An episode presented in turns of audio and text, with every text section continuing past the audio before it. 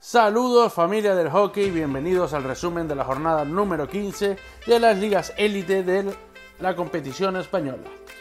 Por parte de los chicos tenemos que el Metropolitano recibía en Bilbao al Rubí en Patins, perdiendo 5 goles por 6. Caja Rural CPLV recibía en su casa al Tres Canto,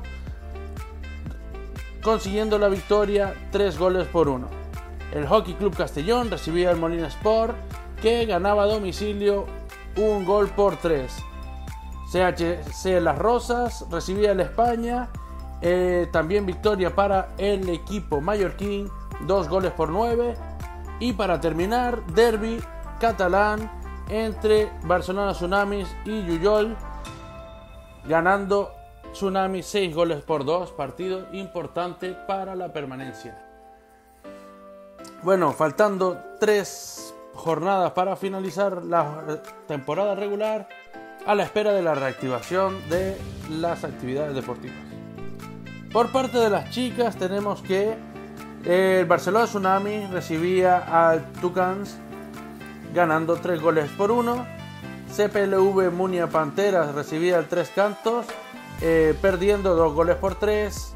Club Patín Villarreal recibía también a Rubí en Patins, perdiendo 0 goles por 3 y CHL Aranda de Duero recibía al España perdiendo un gol por 2.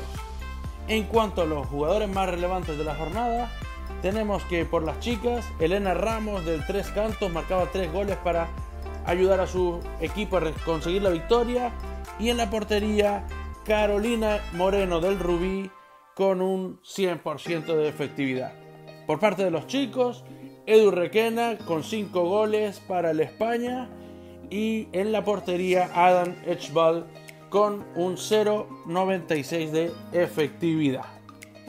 Pues esto ha sido todo por esta jornada. Muchísimas gracias. Gracias a Video Hockey Línea por llevar este resumen siempre con ustedes. Hasta la próxima.